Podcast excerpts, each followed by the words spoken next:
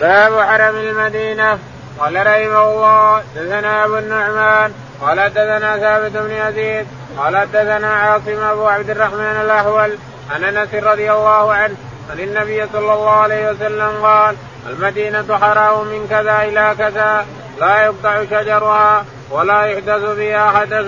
من أحدث حدثا فعليه لعنة الله والملائكة والناس أجمعين. يقول رحمه الله البخاري انتقل من فضائل مكة إلى فضائل المدينة. يقول رحمه الله ومالك رحمه الله يرى أن المدينة أفضل من مكة. لكن أئمة الثلاثة وأتباعهم وعلماء الإسلام كافة أن مكة أفضل من المدينة. المدينة فيها الشخص المعين الذي هو أفضل من جميع المخلوقات. جميع المخلوقات في الأرض وفي السماء هو صفة الخلق عليه الصلاة والسلام. وأما تراب المدينة فمكة أفضل منها. تراب مكة أفضل من تراب المدينة. وأما الشخصية فلا شك أنه أفضل من جميع المخلوقات في السماوات وفي الأرض. أفضل من جميع المخلوقات في السماوات وفي الأرض. وهي حرم لا شك أنها حرم. حرمها الرسول كما حرم إبراهيم مكة. يقول البخاري رحمه الله حدثنا أبو النعمان. أبو النعمان محمد. قال حدثنا ثابت بن يزيد. ثابت بن يزيد. قال حدثنا عاصم الأحول. عاصم الأحول. قال عن أنس بن مالك. عن أنس بن مالك رضي الله تعالى عنه أن النبي عليه الصلاة والسلام قال حرم من كذا إلى كذا لا يقطع شجرها ولا حرم المدينة 12 كيلو من كذا إلى كذا يعني من عير إلى ثور. وأنكر كثير من العلماء أن يكون بالمدينة عير وهو جهل وهو جهل وتغفيل كله موجود. عير عند جبل أحد. عير جبل أحمر صغير عند جبل أحد رابط عند جبل أحد معروف يعرفه الناس يعرفوا أهل المدينة يعرفوا الشيبان يعرفوا اللي يعرفون التاريخ تاريخ المدينة يعرفونه وإن كان كثير من العلماء ترى الشراح والمعلقين والمؤلفين ينكرون يكون في المدينة عيب، ليش تنكر؟ ليه تنكرون؟ غير موجود في لحد أحد، في لحد أحد، بس امس كم خطوة وأنظر أحد أحد ثم انظر الجبل اللي عن عن شرقه شرقيه أحمر جبل أحمر صغير يسمى عين اسأل أهل المدينة جيب أهل المدينة اسألهم. جسم الجبل يقول لك سبحان الله العظيم. الإنكار ما يجوز بدون دليل عير موجود في المدينة وموجود في مكة. ولا ينافي إنه موجود في مكة أن يكون موجود في المدينة. من عير حرم المدينة من عير إلى إلى إلى ثور إلى جبل يسمى ثور هناك. من عير إلى كذا وكذا. فالشاهد أن الرسول عليه الصلاة والسلام قال إنها حرام من عير إلى تور، تور بالحرة بعيد، تور بالحرة عند جبل عند جبل الماشي إلى آخره، فالشاهد أن مسافه مسافة حرم المدينة 12 في 12 مسافة حرم المدينة اضرب 12 في 12 تطلع لك مسافتها. مسافة الحرم اللي فيها. لا يعضد شجره. فورد أنه لا يعضد الشجر الكبار ولا ينفر الصيد الكبار ولا كذا إلى آخره. إنما ما في جزاء. يعني إذا إذا عبدت الشجر قطعت الشجر ما في جزاء. يعني نقول مثل مكة الشجره الكبيره بددنه والوسطى ببقرة والصغيرة بطلي وشاة وشيء من هذا وكذلك الظبي. الظبي بطلي والظبي والأرنب بجفرة وكذا. ما في ما في هذا التفصيل. جزاء ما في جزاء. لكن يسلب اللي يقطع من شجر المدينة أو يصيد من حرام من صيد المدينة يسلب يؤخذ ثيابه روح أنت تقول تقول له افسخ ثيابك افسخ افسخ ثيابك وروح البس ثياب أخرى. وأما جزا ما فيه يعني يفرق الحرم عن الحرم لأن هذا فيه جزا وفي شيء للفقراء والمساكين وهناك ما فيه قال ولا يحدث فيها حدث فان يحدث. يقول عليه الصلاة والسلام والمدينه حرم لا يعبد شجرها ولا أيضا ينفر الصيد لكنه لو قتله ما في جزاء. لو قتل الصيد ما في جزاء ولو حك الحشيش وقطع على ما في إنما يسلب ثياب الرجل الذي يقتل أو يسلم هكذا حكم في سعد بن وقاص رضي الله تعالى عنه. يقول ولا يحدث فيها حدث ومن أحدث فيها حدث فإن عليه لعنة الله والملائكة والناس أجمعين. لا يقبل الله منه صرف ولا عدل يعني لا يقبل فريضة ولا نافلة. قال رحمه الله حدثنا أبو معمر قال حدثنا عبد الوارث بن أبي التياح عن أنس رضي الله عنه قال قدم النبي صلى الله عليه وسلم المدينة وأمر ببناء المسجد فقال يا بني النجار تامنوني فقالوا لا نطلب ثمنه إلا إلى الله فأمر بقبور المشركين فنبشت ثم بالخرب وسويت وبالنخل فقطع وصف النخل قبلة قبلة المسجد قبلة المسجد. يقول البخاري رحمه الله حدثنا أبو معمر. أبو معمر قال حدثنا عبد الوارث. عبد الوارث قال حدثنا أبو التياح. أبو التياح يزيد قال حدثنا أنس بن مالك. أنس رضي الله تعالى عنه أن النبي عليه الصلاة والسلام لما قدم المدينة أتى إلى عمرو بن كلثوم في قباء وآخر قريب أسبوع وهو جالس في قباء ما حد علم عنه. ثم عليه الصلاة والسلام تحول من قباء إلى المدينة.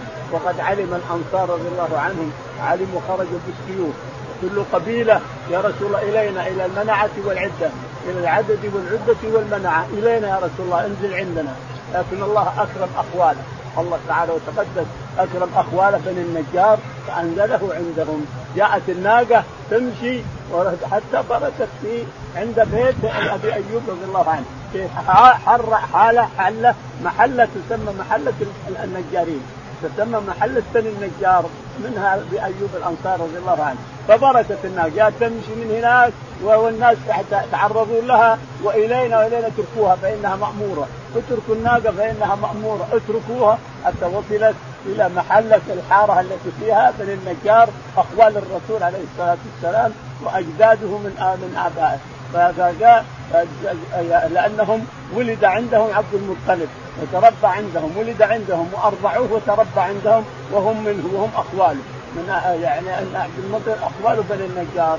فنزل عليه الصلاة والسلام عندهم لما بركت الناقة نزل عنها. فمن لمن الأرض؟ قالوا لبني النجار. قال ثامنون يا ابن النجار. قالوا ما ثامنك الأرض لله تعالى وتقدس ثم لك. ووجد قبور نبشها ورماها برا. ووجد نخل قطع النخل خلاها صف صفها على عود عود قبلة المسجد ولا حتى تساوى المسجد بعد ذلك. وأخذ عبشه أبو أيوب الأنصار رضي الله تعالى عنه. الآن الرسول ورحله أخذه عنده أبو أيوب رضي الله عنه وصار الرسول ضيف له. قال رحمه الله دثنا إسماعيل بن عبد الله قال حدثني أخي سليمان عن عبيد الله عن سعيد المغوري عن أبي هريرة رضي الله عنه أن النبي صلى الله عليه وسلم قال حرم بين لابتي المدينة على لساني. قال فاتى النبي صلى الله عليه وسلم بني حارثة فقال أراكم يا بني حارثة؟ قد قربتم من الحرم. ثم التفت فقال بل أنتم فيه. يقول البخاري رحمه الله حدثنا إسماعيل بن عبد الله. إسماعيل بن عبد الله قال حدثنا عن عبد الحميد. أخي عبد الحميد قال حدثنا سليمان. سليمان قال عن عبيد الله. عن عبيد الله بن عبد الله قال عن سعيد المقبوري. عن سعيد المقبوري قال عن أبي هريرة. عن أبي هريرة رضي الله تعالى عنه أن النبي عليه الصلاة والسلام قال نعم. وحرم ما بين لابتي المدينة على حرم ما بين لابتي المدينة على لساني يعني لسان الرسول عليه الصلاة والسلام. حرم ما بين اللابتين، اللابتين الحراء، الحرة حجارة سود مجتمعة، هذه لابة وهذه لابة، والمدينة بينهم، فحرام ما بين هذا وهذا، هي بعيدة. الحرة بعيدة شوية، الماشي في 12 كيلو، مسافة الحرم حرم المدينة 12 كيلو في 12 كيلو، فحرم هذا، حرم ما بين هذا وهذا، ما بين لابتي المدينة مسافة 12 كيلو في 12 كيلو إلى آخره، فالشاهد يعني من عير إلى ثور، فيقول الرسول عليه الصلاة والسلام حرم ما بينهما على لساني يعني لسان الرسول عليه الصلاة والسلام نعم. قال وأتى النبي صلى الله عليه وسلم بني حارثة فقال أراكم يا بني حارثة؟ قد خرجتم من الحرم. يقول وجاء النبي أتى النبي إلى بني حارثة قبيلة من الأنصار فقال أراكم يا بني حارثة؟ خرجتم من الحرم من حدود الحرم. ثم التفت يمنة ويسرى قال لا أنتم فيه أنتم الحرم امسكوا مكانكم امسكوا مكانكم يا بني حارثة. نعم.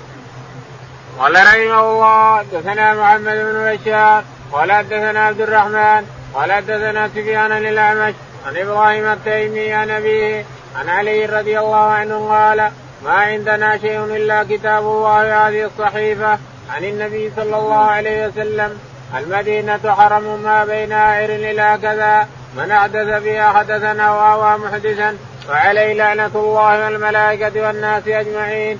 لا يقبل منه صرف ولا عدل وقال ذمة المسلمين واحدة ومن أخبر مسلما فعليه لعنة الله والملائكة والناس أجمعين لا يقبل منه صرف ولا عدل ومن تولى قوما بغير إذن مواليه فعليه لعنة الله والملائكة والناس أجمعين لا يقبل منه صرف ولا عدل. قال أبو عبد الله عدل فداء. يقول البخاري رحمه الله حدثنا محمد بن بشار. محمد بن بشار قال حدثنا عبد الرحمن بن مهدي. عبد الرحمن بن مهدي قال حدثنا سفيان الثوري قال حدثنا عن الأعمش. عن الأعمش قال حدثنا إبراهيم بن يزيد. إبراهيم بن يزيد قال لا إبراهيم التيمي. إبراهيم التيمي عن أبيه. قال عن أبيه محمد التيمي قال عن علي رضي الله عنه. عن علي رضي الله تعالى عنه أنه قال ليس عندنا شيء نخفيه عنكم أيها الناس. إلا هذه الصحيفة إلا ما في هذه الصحيفة ولا ما عندنا.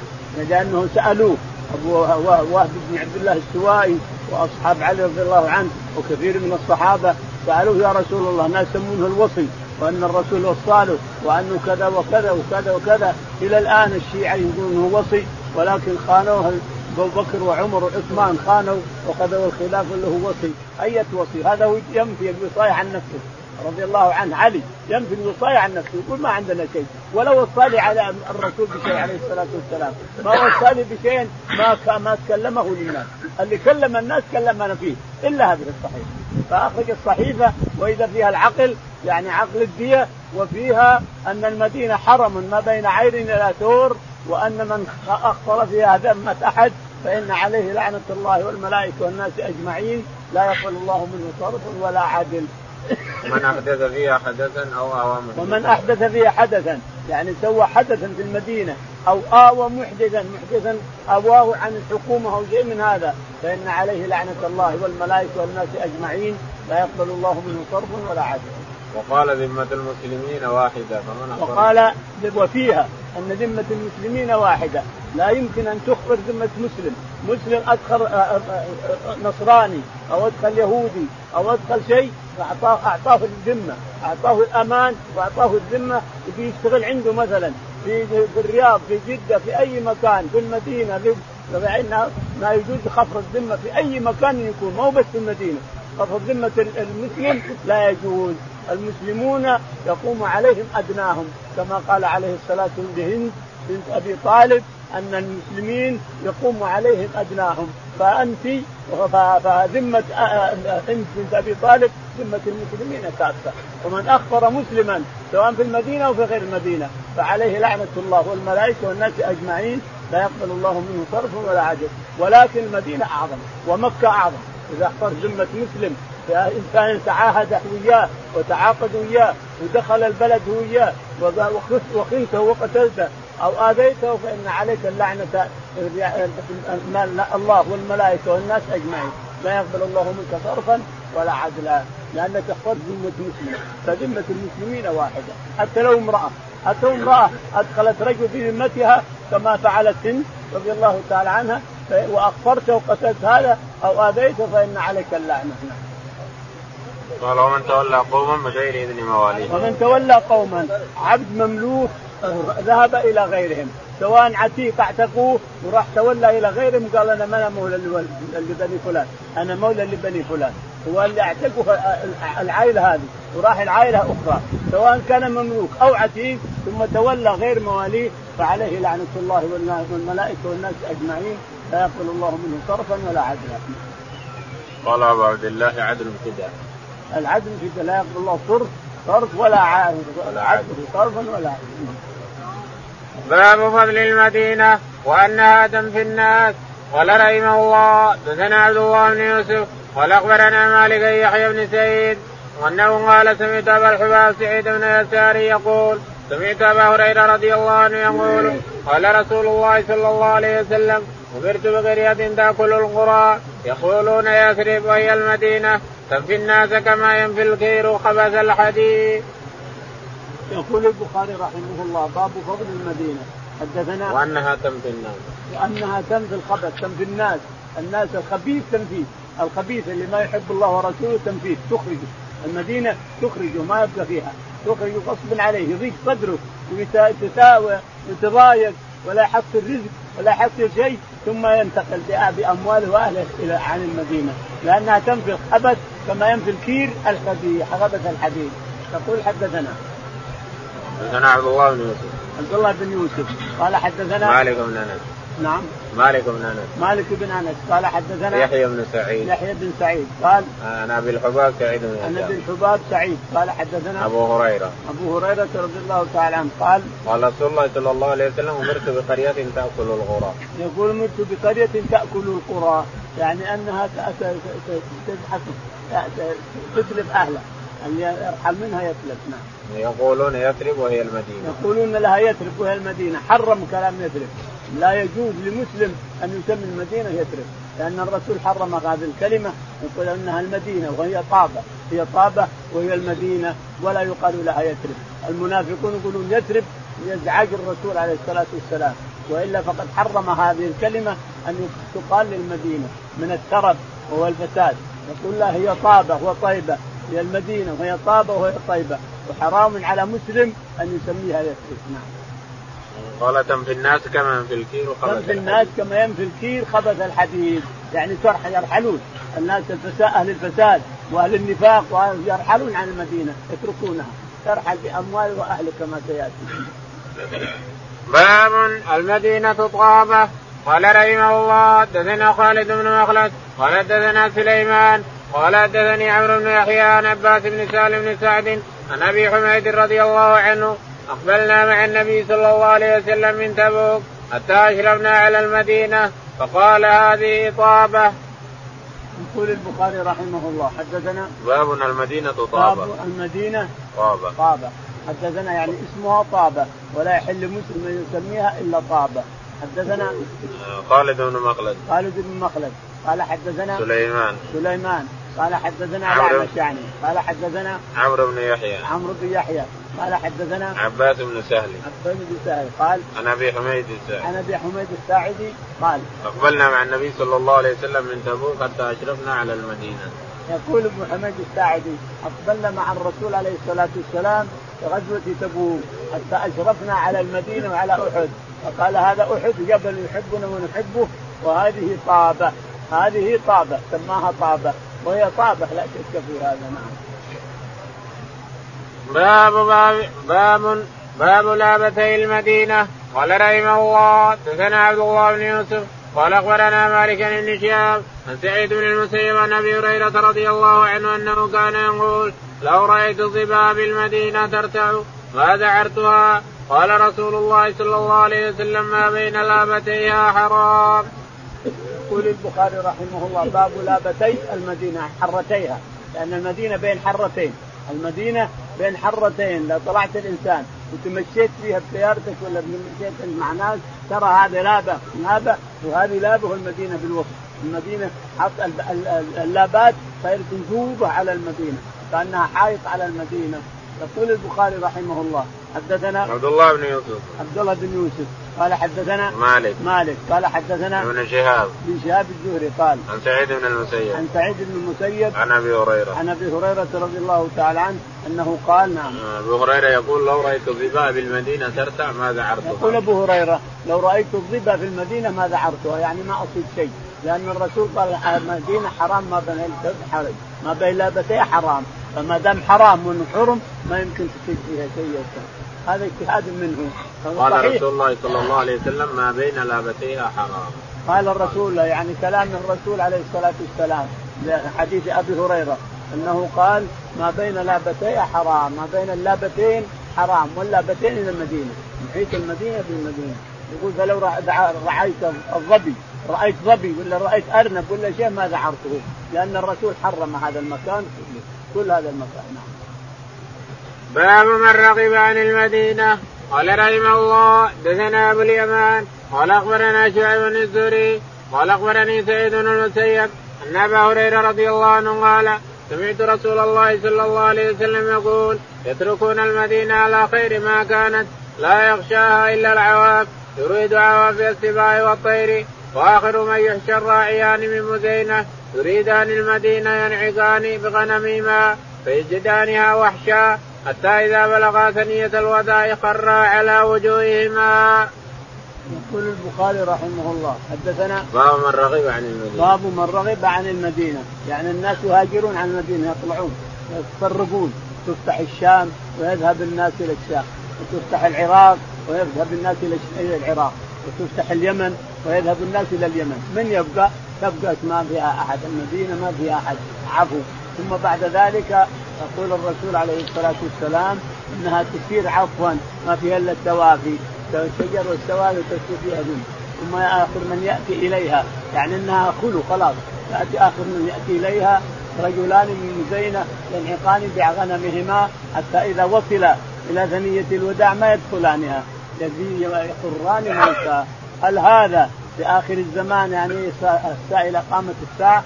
لكن الساعة إذا قامت قامت على الجميع ما هو بس على الرجلين اللي ينعقان تقوم على الجميع حتى الغنم وحتى الرجلين يموتون. لكن هذه في مسألة أخرى. هذه قبل قبل يوم القيامة. في صيحة أخرى الذي يحشر الناس إلى أرض المحشر. يحشر الناس صيحة أولى الصيحة الأولى الصغرى. يحشر الناس كلهم. حتى حتى الأرض اللي فيها الموتى تنقلب إلى الشام. واللي يمشي على الشام واللي يركب يركب على ناقة واللي ثلاثة على ناقة واللي عشرة على ناقة واللي يمشي على بطنه. يا رسول الله يمشي على بطنه قال اللي يمشي على رجليه يمشي على بطنه. إلى الشام كله تكثر الناس إلى الشام. هذا آخر الزمان. قال حدثنا أبو اليمان. يقول حدثنا أبو اليمان. قال حدثنا شعيب بن أبي شعيب. قال حدثنا الزهري. الزهري. قال حدثنا سعيد بن المسيب. سعيد بن المسيب. عن أبي هريرة. عن أبي هريرة رضي الله تعالى عنه أن النبي عليه الصلاة والسلام قال يتركون المدينة على خير ما كانت لا يخشى إلا يتركون المدينة على خير ما كانت يعني ربيع زهرة على خير ما كانت. يتركون المدينة على خير ما كانت. ثم لا يغشاها إلا العواف وآخر من يحشر راعيان من لا يغشاها إلا العواصف. أو العواصف يعني الظبا يخشاها الظبا والعواصف الرياح. ثم يأتي آخر من يأتيها رجلان ينعقان بغنمهما فإذا وصل إلى ثنية الوداع قرا ميتين. هذه يكاد الصيحة الأولى. الصيحة اللي صيحه إسرافيل الأولى لأن الصيحات ثلاث قال رحمه الله دثنا عبد الله بن يوسف قال أخبرنا مالك عن شام بن عروان أبي عن عبد الله بن الزبير عن سفيان بن أبي زهير رضي الله عنه أنه قال سمعت رسول الله صلى الله عليه وسلم يقول تفتح اليمن فيأتي قوم يبسون فيتحملون بأهلهم ومن أطاعهم والمدينة خير لهم لو كانوا يعلمون وتفتح الشام فيأتي قوم يبسون فيتحملون بأهلهم ومن أطاعهم والمدينة خير لهم لو كانوا يعلمون. وتفتح العراق ويأتي قوم يمسون فيتحملون بأهليهم ومن أطاعهم والمدينة خير لهم لو كانوا يعلمون. يقول البخاري رحمه الله باب تابع للباب من رغب عن المدينة. حدثنا عبد الله بن يوسف. عبد الله بن يوسف قال حدثنا مالك بن أنس. مالك بن أنس. قال حدثنا هشام بن عروة. هشام بن عروة. عن أبيه.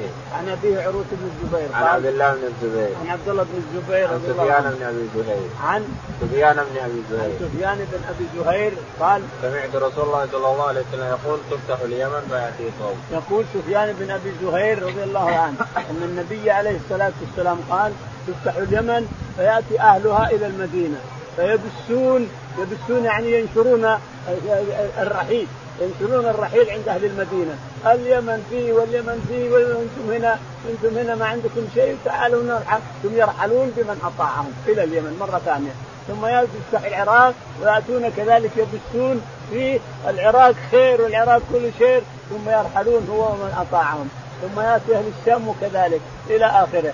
فالشاهد ان تأتي أمم ثم ترحل مرة ثانية والمدينة خير لهم لو كانوا يعلمون. المدينة خير لهم لو كانوا يعلمون. نعم. باب الإيمان يهزر إلى المدينة. قال رحمه الله دثنا إبراهيم المنذر قال دثنا أنس بن عياض قال دثني عبيد الله عن خبيب بن عبد الرحمن عن حفص بن عاصم عن أبي هريرة رضي الله عنه إن رسول الله صلى الله عليه وسلم قال إن الإيمان لا يزر إلى المدينة كما تزر الحية إلى حجرها.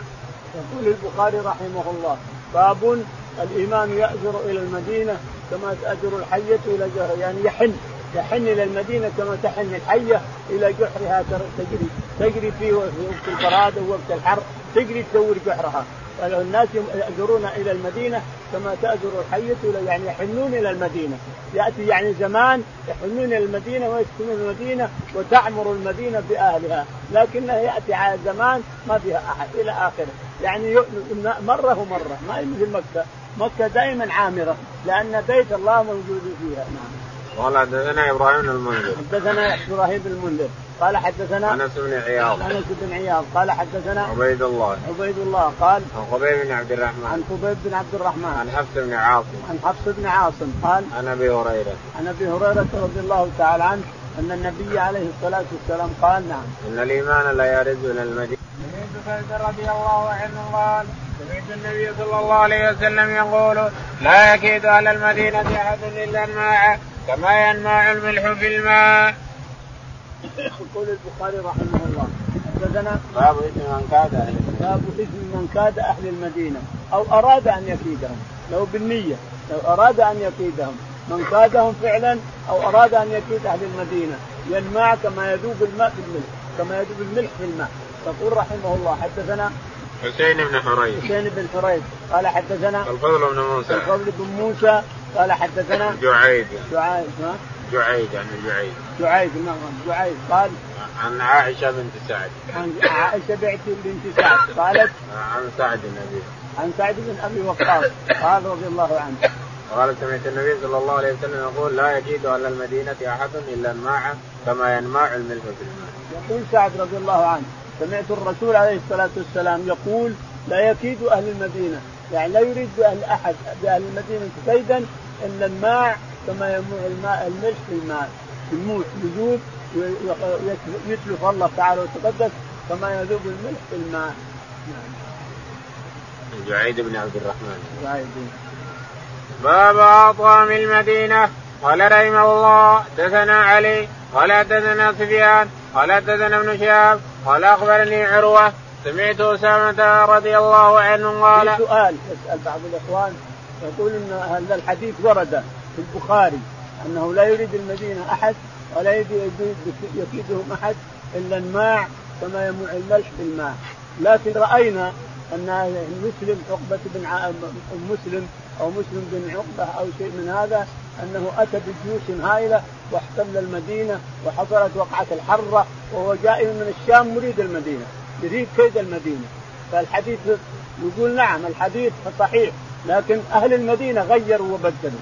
المدينة راحت الأنصار وراح المهاجرون وراح الصالحون وبقي أبناء أبناء أبناء أبناء الأبناء بقي أبناء الأبناء. فلعلهم غيروا وبدلوا وربنا تعالى وتقدس ما بينه وبين أحد نسب. ربنا ما بينه وبين قرابه ولا بينه وبين أحد. إن اطعته ينصرك ويعزك عصيته يسلط عليك غير شرا منك يسلط عليك شرا منك فإن أطعت ربك فالحبل بينك وبينه ابشر وينصرك ويعزك. عصيت ربك خذلك وخذل وسلط عليك. فهذه أهل المدينة أبناء أبناء الأبناء. هم اللي حصل منهم اثره وحصل شيء وصاروا يلعنون يزيد بن أبي سفيان ويلعنون الخلفاء ويلعنون كذا ويلعنون كذا ولبوا الخروج عليه إلى فارسل مسلم بن عقبة اللي يسمونه مسرف ابن عقبة. أرسله بن سفيان. وانظر كيف ربنا تعالى وتقدس احتل المدينة وأباح أهلها أيضا. ليش؟ لأنهم ما عدلوا وبدلوا غيروا وبدلوا عن ما كان عليه الصحابة رضي الله تعالى عنهم.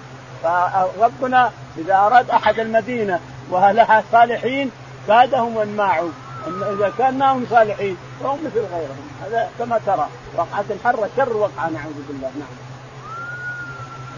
باب اطعام المدينة.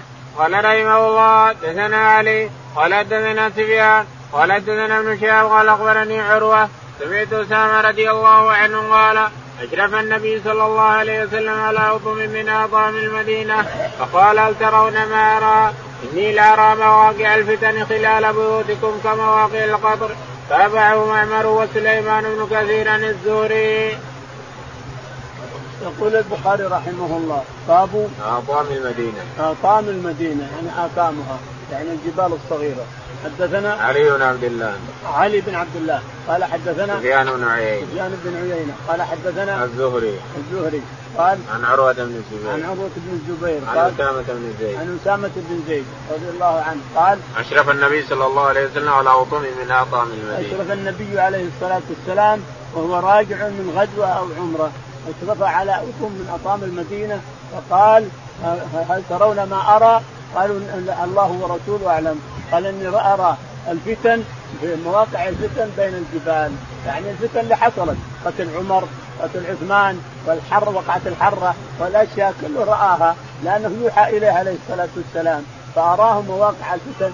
بين بين اللابتين الحره وبين الجبال اللي خارج اللابتين نعم. إني لأرى مواقع الفتن خلال بيوتكم كمواقع القطر. إني لأرى مواقع الفتن خلال بيوتكم كمواقع القطر من السماء وكمواقع المطر يعني بالبيوت يعني وقعت الحرة دخلت البيوت وأبيحت النساء أيضا نعم. باب لا يدخل الدجال المدينة قال رحمه الله دثنا عبد العزيز بن عبد الله قال دثنا إبراهيم بن سعد عن ابي عن جده عن أبي بكر رضي الله عنه النبي صلى الله عليه وسلم قال لا يدخل المدينة رعب المسيح الدجال لها يومئذ سبعة أبواب على كل باب ملكان. يقول البخاري رحمه الله باب لا يدخل الدجال المدينة ولا مكة يعني كما سيأتي مكة لا يدخلها ولا يدخلها المدينة. لكن ترجف الأرض ويخرج كل من في قلبه مثقال ذرة من نفاق يخرج إلى الدجال. إذا كان إذا وصل إلى أبوابها حمتها الملائكة من أبوابها لا يدخلها. ولكن ترجف الأرض فيخرج كل من كان في قلبه مثقال ذرة من نفاق يخرج أو كفر أو شرك يخرج إليه ويؤمن به. سواء بالمدينة أو بمكة. يقول البخاري رحمه الله حدثنا عبد العزيز بن عبد الله. عبد العزيز بن عبد الله. قال حدثنا إبراهيم بن سعد بن إبراهيم بن سعد بن إبراهيم. عن عن أبيه عن جده. عن أبيه إبراهيم. عن جده إبراهيم بن سعد. قال عن أبي بكر. عن أبي بكر رضي الله عنه. قال قال رسول الله صلى الله عليه وسلم لا يدخل المدينة رعب بالمسيح الدجال. قال إن النبي عليه الصلاة والسلام قال لا يدخل المدينة رعب الدجال، يعني حتى لو بنى منها ما يهمهم. لها سبعة أبواب على كل باب. لها سبعة أبواب كل باب عليه ملكان يحميانها ما تدخل. الدجال ما يدخل، لكن إنها ترجف، فإذا رجفت خرج كل من في قلبه مثقال ذرة من نفاق أو شرك أو كفر يخرج يؤمن به، نعم. قال رحمه الله دثنا إسماعيل قال حدثني مالك النوع بن عبد الله المجمر عن أبي هريرة رضي الله عنه قال قال رسول الله صلى الله عليه وسلم ألا ينقى بالمدينة ملائكة لا يدخلها الطاعون ولا الدجال. يقول البخاري رحمه الله حدثنا نعيم. إسماعيل بن أبي أويس. ها؟ إسماعيل بن أبي أويس. إسماعيل بن أبي أويس. قال حدثنا مالك. مالك.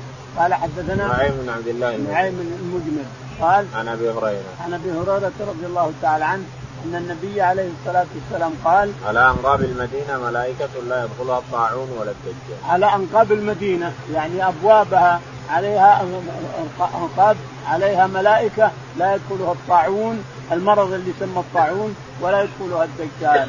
لكن الأرض ترجف كما ورد في الصحيحين إن الأرض ترجف ويخرج كل من كان في قلبه مثقال من نفاق أو شرك أو كفر ويؤمن به. قال رحمه الله دثنا إبراهيم المنذر قال دثنا الوليد قال دثنا أبو عمرو قال دثنا إسحاق قال دثني أنس بن مالك رضي الله عن النبي صلى الله عليه وسلم قال ليس من بلد إلا سيطره الدجال إلا مكة والمدينة. ليس له من نقابها نقب إلا عليه ملائكة صافين يحرسونها. ثم ترجف المدينة بأهلها ثلاث رجفات. ويخرج الله كل كافر ومنافق. يقول البخاري رحمه الله حدثنا إبراهيم بن المنذر. إبراهيم بن المنذر. قال حدثنا الوليد بن مسلم. الوليد بن مسلم. قال حدثنا أبو عمرو الأوزاعي. أبو عمرو الأوزاعي. قال حدثنا حاكم بن عبد الله بن أبي طلحة. حاكم بن عبد الله بن أبي طلحة. بن أبي طلحة. قال عن أنس بن مالك. عن أنس رضي الله تعالى عنه أن النبي عليه الصلاة والسلام قال نعم. ليس من بلد إلا سيطأه الدجال إلا مكة والمدينة. ليس من بلد.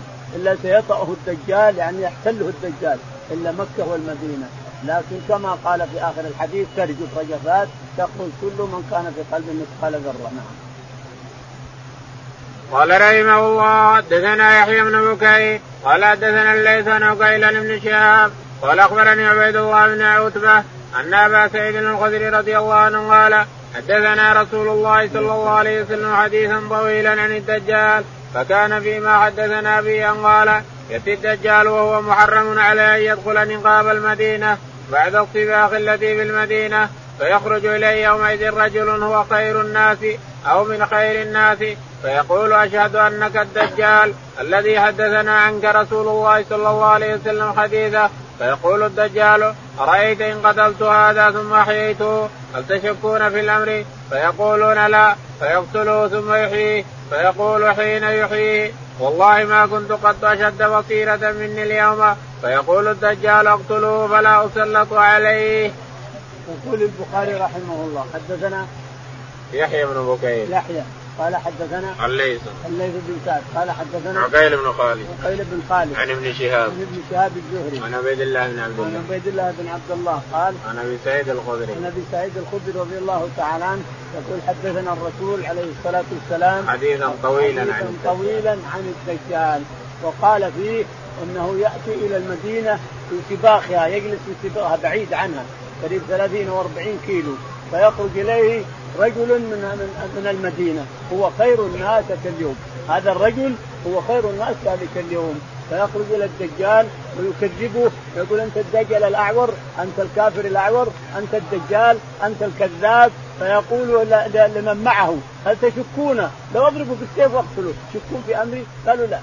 هذا السيف وضربه وسلطه عليه هذه المرة. فنصفه نصفين. نزل السيف من فوق حتى نزل بين اذخاذه ثم قال ثم احياه احياه أحياه الله تعالى وتقدس ثم الدجال فتنة.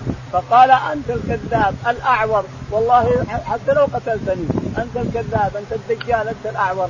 فقال هل تشكون فيريد أن يقتل فلا يسلط عليه خلاص قتله مرة علشان يقتل الله رب ربنا يفتن الناس هؤلاء مرة ثانية. ما يسلط عليه ما يقتله. نعم.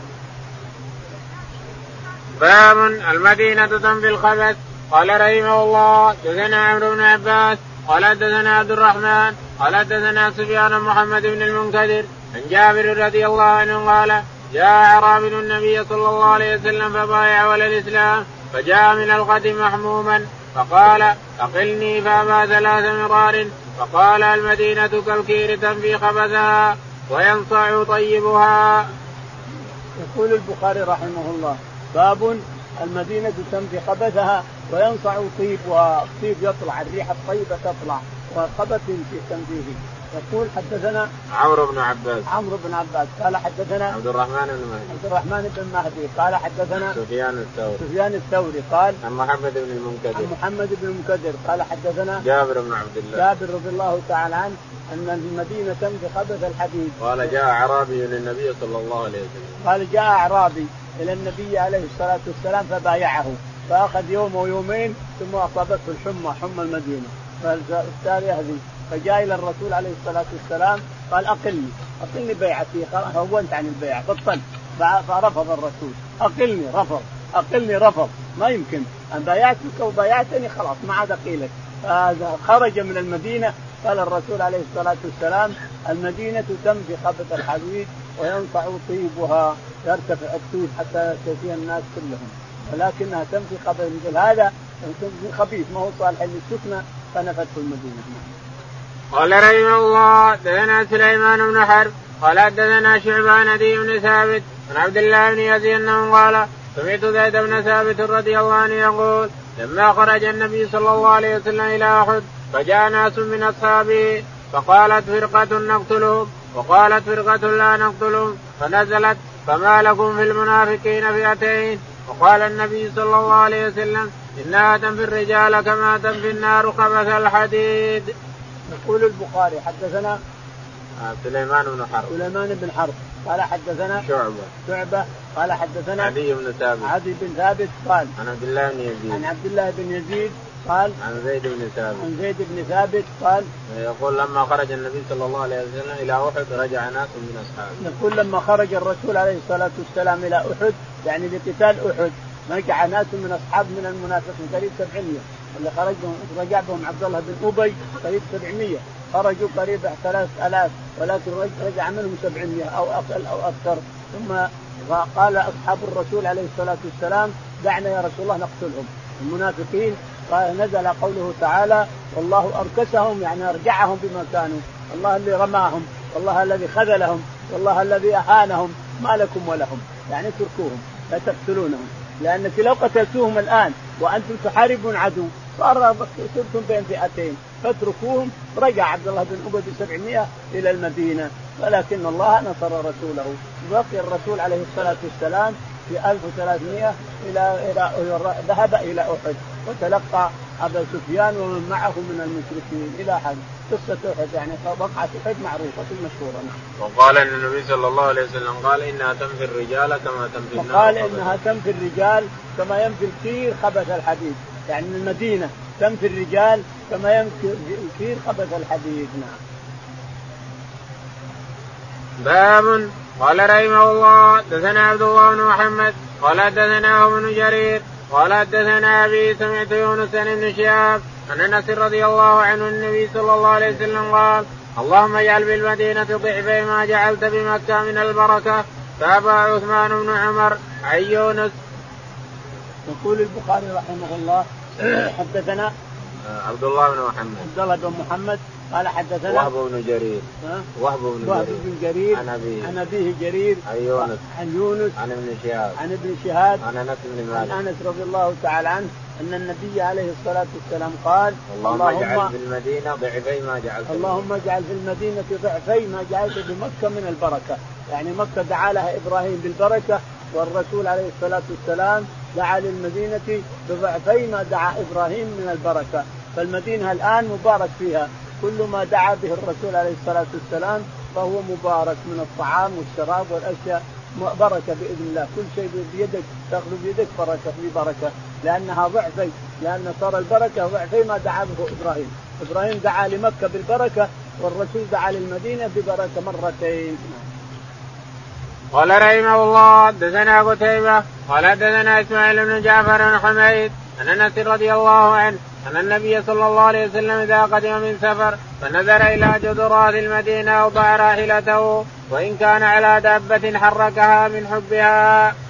يقول البخاري رحمه الله حدثنا قتيبة. قتيبة قال حدثنا إسماعيل بن جعفر. إسماعيل بن جعفر قال عن حميد الطويل. عن حميد الطويل عن أنس بن مالك. عن أنس رضي الله عنه قال النبي صلى الله عليه وسلم كان إذا قدم من سفر فنظر إلى جذورات المدينة اوضع راحلته. يقول أنس رضي الله تعالى عنه أن النبي عليه الصلاة والسلام إلى رجع من سفر سواء حج أو عمرة أو غزو أو شيء اوضع ناقته حرك الناقة وإلا حرك الدابة.